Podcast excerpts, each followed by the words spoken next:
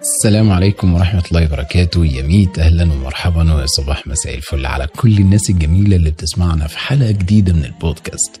وحلقتنا النهاردة بنتكلم فيها عن الدكتور إياد قنيبي. بداية كده دكتور إياد قنيبي ده بص حد جامد جدا. لو انت ما تعرفوش ففاتك كتير يا عم الحاج. ليه بقى؟ بص يا سيدي تعالى يعني نقسم يعني إنجازاته كده أو نقسم حياته كلها أصلا لنصين. النص الأولاني جانب علمي بحثي والنص التاني جانب دعوي تمام؟ خلينا في الجانب العلمي البحثي.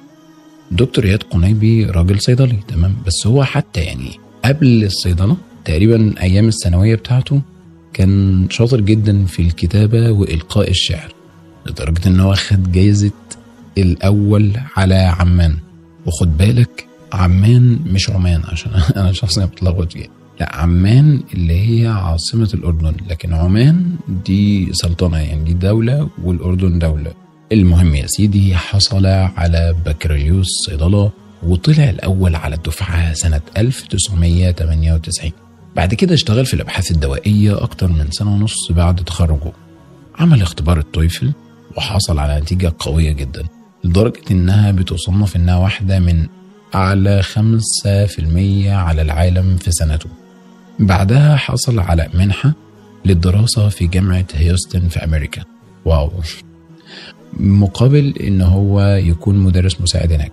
فاشتغل مدرس مساعد وكان بيدرس آه اللي هو يعني بيدرس الماجستير بتاعه كده لحد ما حصل على شهادة الدكتوراه سنة 2003 وخد فيها امتياز والأول على الدفعة والأول على اللي معاه حد جامد جدا والله.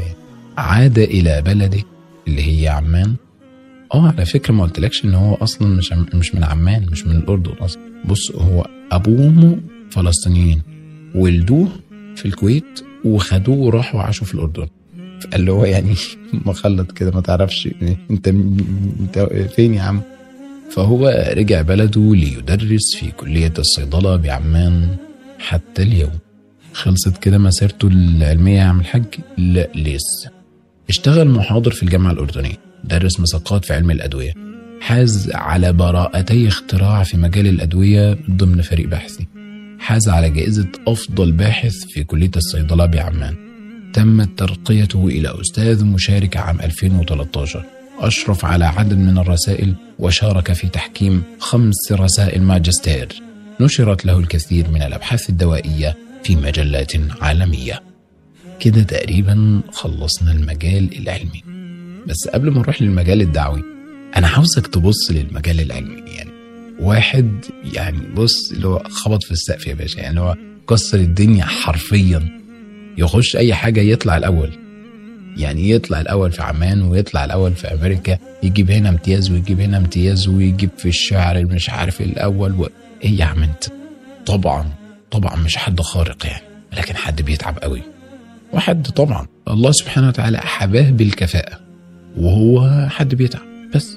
واللي بيتعب يا ولدي بيلاقي الرحلة الدعوية.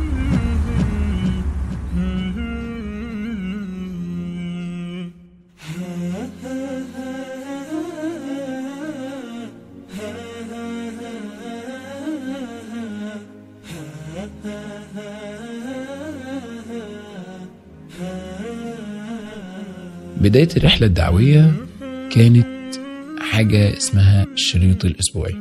الشريط الأسبوعي ده كان نشاط كده هو بيعمله هو ومجموعة من الشباب وكان الكلام ده تقريبا أيام ثانوي ولا حاجة. كان عبارة عن إيه؟ كان عبارة إن مثلا دكتور إياد أو غيره يبدأ إن هو يسمع مجموعة من الشرائط. الشرائط يعني كان شريط كاسيت كده. لو أنت مثلا مواليد 2000 مش هتعرف الحاجات ديت يا صغنن. المهم الشريط الأسبوعي كان بيدرس وبيسمع شرائط كتير جدا خلال الأسبوع يختار منها شريط ويبدأ إن هو يجيبوا منه نسخ كتير جدا ويوزعوها على الناس. ففكرة اختيار شريط معين لأن هو شايفين ده ينفع الناس وإن ده هو المفيد ده خلى حد زي دكتور إياد يسمع شرائط كتير جدا حرفيا آلاف الشرائط وآلاف الساعات العلمية والدعوية. والكلام ده استمر لحد سنة 2010 أنا بكلمك إن ده من أيام ثانوي وجامعة لحد 2010 وهو متخرج سنة 98 يعني الكلام ده يعني أخد فترة أكتر من 12 سنة. في الوقت اللي هو يعني بعد 98 راح أمريكا ورجع في 2003 يعني حتى فترة أمريكا كان ما شاء الله. المهم اهتم الدكتور إياد بقراءة كتب التفسير والسيرة. خد إجازة في رواية حفص. إجازة. حاجة جامدة جدا.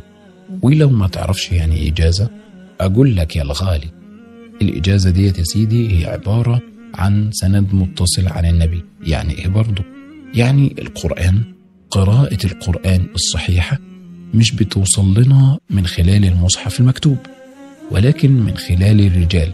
إزاي؟ دلوقتي محمد ريان عاوز يعني ياخد إجازة. يتعلم القرآن أو يقرأ القرآن كما قرأه رسول الله صلى الله عليه وسلم. يبقى يعمل إيه؟ يروح عند حد عنده إجازة. فيبدأ إن هو يبقى محمد ريان واخده عن أحمد وأحمد واخده عن إبراهيم وإبراهيم واخده عن مصطفى ومصطفى واخده عن أحمد وهكذا حتى يصل مثلا إلى عبد الله بن مسعود إلى عبد الله بن عباس حتى يصل إلى رسول الله صلى الله عليه وسلم. فيبقى عن فلان عن عن عن عن عن عن رسول الله عن جبريل عن رب العزة سبحانه وتعالى.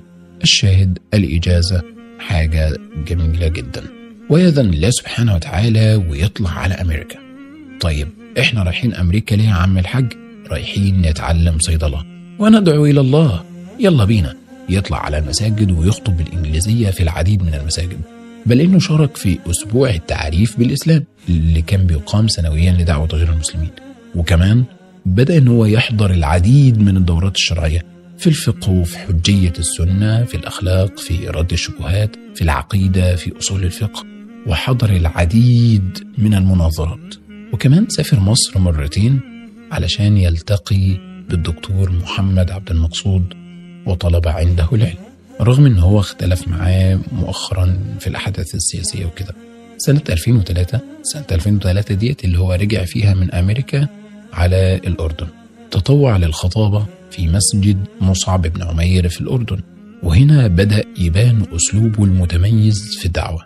له طابع علمي وتوثيق وتركيز الفائدة والاعتماد على الدليل الصحيح. وكان له العديد من الخطب المهمة والمركزة تمام؟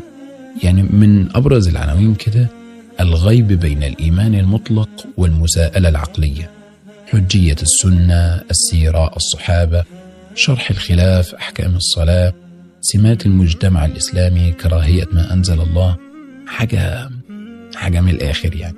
يعني إحنا لو عاوزين نجمع كده مشاريع دكتور إياد فهتلاقي منها الشريط الدعوي. وهذا يعني مشروع لو تعلمون عظيم حاجة قوية جدا. المسابقات داخل المسجد. توزيع المطويات والملصقات. استضافة محاضرين مختصين واستخدام ال data show. فكرة ال data show جوه المسجد. أيوه يا عم عادي والله. دي وسيلة توضيح وزي الفل. ال data show يا باشا؟ يجيب البروجيكتور كده زي الفل.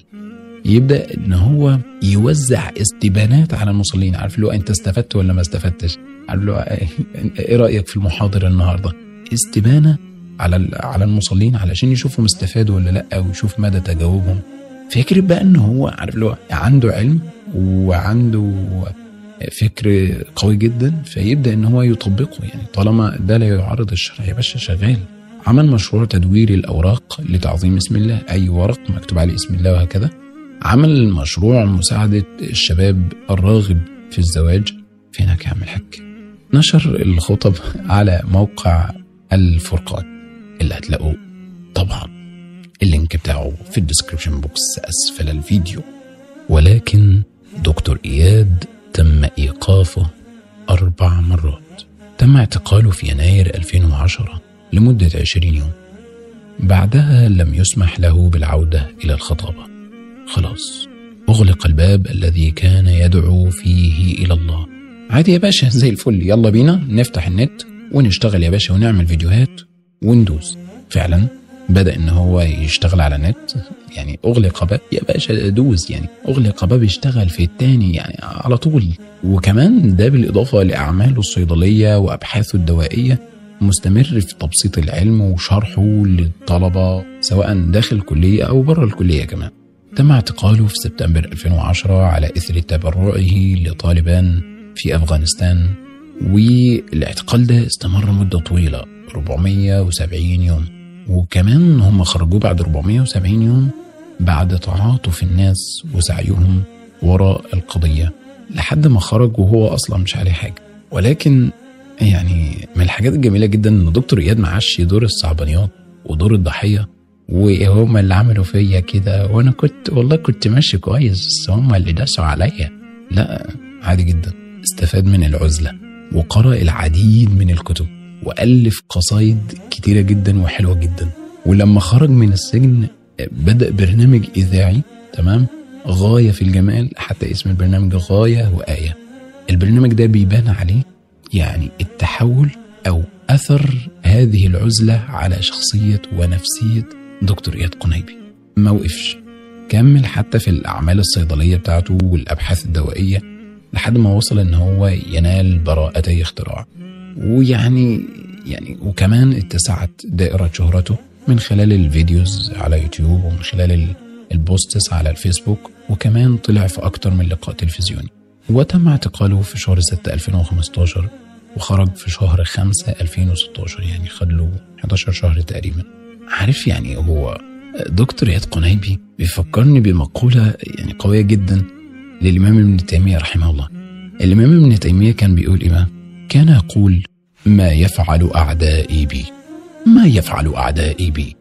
فجنتي ها هنا. ويشير إلى صدره. فإن نفوني فنفي سياحة. وإن قتلوني فقتلي شهادة. وإن حبسوني فحبسي خلوة. الجمال ده لا بجد يعني عارف اللي هو إيه؟ هيعملوا إيه يا باشا؟ آخرهم مش هيعرفوا يعملوا معايا حاجة. أي حاجة هيعملوها أنا زي الفل. والله حبس يا باشا خلاص شكرا. خلوة كده بقى وعيش مع ربنا. لا بص إحنا هننام فيك. قشطة. فسيحوا في الأرض. يلا يلا نسيح في الأرض كده ونتجول ونشوف حيوات جديدة وناس جديدة وأرض جديدة. لا بص أنت إحنا هنقتلك. قشطة. يعني إن شاء الله في سبيل الله شهيد يا باشا. خلاص يعني ما تعيش دور الضحية. وأقول لك على حاجة وأنت لما تعيش دور الضحية ما حدش هيسمع عليك. وإن كان الناس جت وتعاطفت معاك حتى بس أنت ما استفدتش. أنت خرجت من الدنيا زي ما أنت. ما اتطورتش ما زدتش ما عليتش. وكمان الأهم إنك ترضي ربنا سبحانه وتعالى في حياتك. لما تعيش دور الضحية مش مش هتوصل لإن أنت تعمل أعمال جديدة أو أعمال قوية أو يعني أعمال حقيقية تقربك من ربنا سبحانه وتعالى. والله أعلم. المهم يعني في طابع مميز جدا. في حياة دكتور إياد وهو إن دكتور إياد بيسعى ويبذل وبيركز. وده مطلوب جدا. محتاجين ده والله جدا يعني إن إحنا نسعى ونبذل ونركز. يعني اعمل اللي عليك اعمل اللي عليك مع التركيز. يعني كلمة سمعتها من ست سنين مثلا كان قالها لي المهندس خليفة ربنا يبارك له. كان بيقول يعني ربما نقلها عن غيره ولكن كان بيقول اتعب بذكاء. فكرة إن أنت أيوه ما أنا بتعب لوجه الله سبحانه وتعالى. يا عم طب ما تركز. شوف الحاجة اللي أثرها هيكون أقوى. شوف الحاجة اللي يعني المفيدة أكتر وكذا. واعمل. يعني توكل على الله. المهم يعني دكتور إياد اشتهر في الفترة الأخيرة أو انتشر له في الفترة الأخيرة فيديوهاته في الرد على الدحيح. إيه بقى حكاية الدحيح؟ الدحيح يا شباب وطبعا يعني حد يعني غني عن التعريف مشهور جدا. أحمد الغندور اللي هو الدحيح بيعمل فيديوهات هو بيقول عليها ترفيهية بيقدم فيها معلومات واستدلالات ومنطق وغيره ولكن لوحظ إن هو يعني في الحلقات الأخيرة بدأ إن هو يعني بيستدل بأقوال ناس ملحدين. طب ما فيش مشكلة طب ما إحنا عادي بنستدل بأقوال الكفار طالما إن ده علم. المشكلة إن ده مش علم المشكلة إن ده فكر. أيوه. فكر ناس ملحدة. فالفكر نفسه متعاص الحاد. لا يا عم خد بالك الله يرضى عنك. يعني مثلا ومن أشهر الأمثلة على ده الفيديو بتاع محاسن الصدف اللي رد فيه على فكرة المادة تأتي من العدم من الولا حاجة. والنشوء التلقائي والضبط الدقيق والثوابت الفيزيائية والأكوان اللانهائيه وتلاقي دكتور إياد بيرد بالعلم أيوه مش مش أنت بقى أو أنتوا يا ناس يا اللي بتتكلموا أنتوا بتتكلموا بالعلم لا تعالوا لي بقى ده راجل أستاذ دكتور جامعي وخريج حصل على الدكتوراه من هيوستن. حد جامد جدا وعنده علم شرعي قوي جدا فاللي هو هيرد من ناحية دي ويرد من ناحية بيرد بأبحاثه هو ويعقب على الأمثلة الساذجة اللي بينتهجها الدحيح من مميزات دعوة دكتور إياد وده وده شيء يعني ده شيء عظيم جدا. ذكر المصادر والاعتماد على الصحيح. هتلاقي عنده جدية. يعني مش جدية مش لا ال- الجدة. يعني هتلاقي عنده الكلام جد. هتلاقي عنده الجدة وسد ثغرات غير مطروقة بشكل كاف. هتلاقي الاختصار والتركيز. هتلاقي لغة تناسب الجميع. هتلاقي ربط الواقع بالآيات والأحاديث. وترسيخ ذلك في النفوس. هتلاقيه مركز في دعوته إن هو يعني عاوز المسلم يعتز بدينه ويوقن بصحة هذا الدين. يعني عمل سلسلة جامدة جدا جميلة جدا. اسمها رحلة اليقين وأنصحك بشدة تخش تتفرج عليها وهحط لك ال link في ال description box تحت الفيديو. رحلة اليقين عامل أكتر من 50 فيديو فيها حلوة جدا. بيتكلم عارف بص من البداية. مفيش سؤال اسمه ممنوع. لماذا خلقنا الله من خلق الله؟ آه مش عارف إيه. بص وتلاقي الأسئلة اللي أنت بص ممكن لما تسألها لنفسك كده تقول أستغفر الله العظيم أستغفر الله الله. إيه ده يا عم؟ لا اسمع اسمع ده بيجاوبك على كل سؤال بيدور في بالك وممكن أسئلة ما دارتش في بالك تسمعها. السلسله مفيدة جدا وحلوة جدا أنصحك وبشدة تسمعها. هنلاقي دكتور إياد بيركز على إن المسلم تزيد محبته لله سبحانه وتعالى وهتلاقيه بيركز على مفاهيم الحسم والفرقانية يعني بين الحق والباطل محاربة التمييع وفقه التنازلات. حاجة جميلة جدا. خليني أختم كلامي بإني أتكلم عن عن فيديو أنا شفت له أو أو كذا فيديو يعني ورا بعض كان بيتكلم فيهم عن سارة. سارة إياد قنيبي. سارة آه، فتاة صغيرة ماتت تقريبا من أربعة أشهر. بجد بجد كنت مبهور وأنا بتفرج على الفيديو وهو بيتكلم عند قبر بنته. راجل جميل صبر غير عادي إيمان غير يعني غير عادي. أنا مست أنا داخل كده ومستني آه، خلاص كلمة دكتور إياد قنيبي عند قبر ابنتي أنا داخل يعني أعيط وأخرج يعني. أنا ما عيطتش. أنا أيوة أشعرت وتأثرت بس بس ما عيطتش. علشان هو ما كانش بيعيط يعني هو يعني هو ما كانش بيعيط. بل هو كان بيتكلم يعني بيقول أنا سعيد.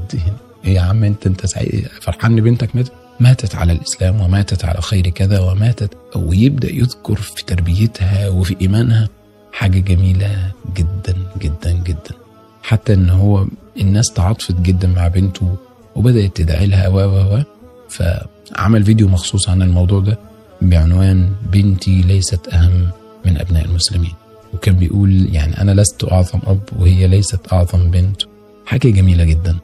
أنصحكم وأنصح نفسي إن إحنا نتابع الراجل ده. آه يعني ياخد حقه شوية. وأرجو إن الحلقة تكون ممتعة مفيدة. آه للعلم إن الحلقة ديت يعني مش متنظمة في الكتاب قوي. يعني مش مش واخدة حقها في الكتاب زي كل مرة. فيها شوية رغي شيء مش مشكلة. دي طبيعة البودكاست يعني. ولكن آه، أرجو إنها تكون مفيدة. بس يا عم ما تنساش آه، ال like وال share وال comments وكده. أراكم على خير. والسلام عليكم.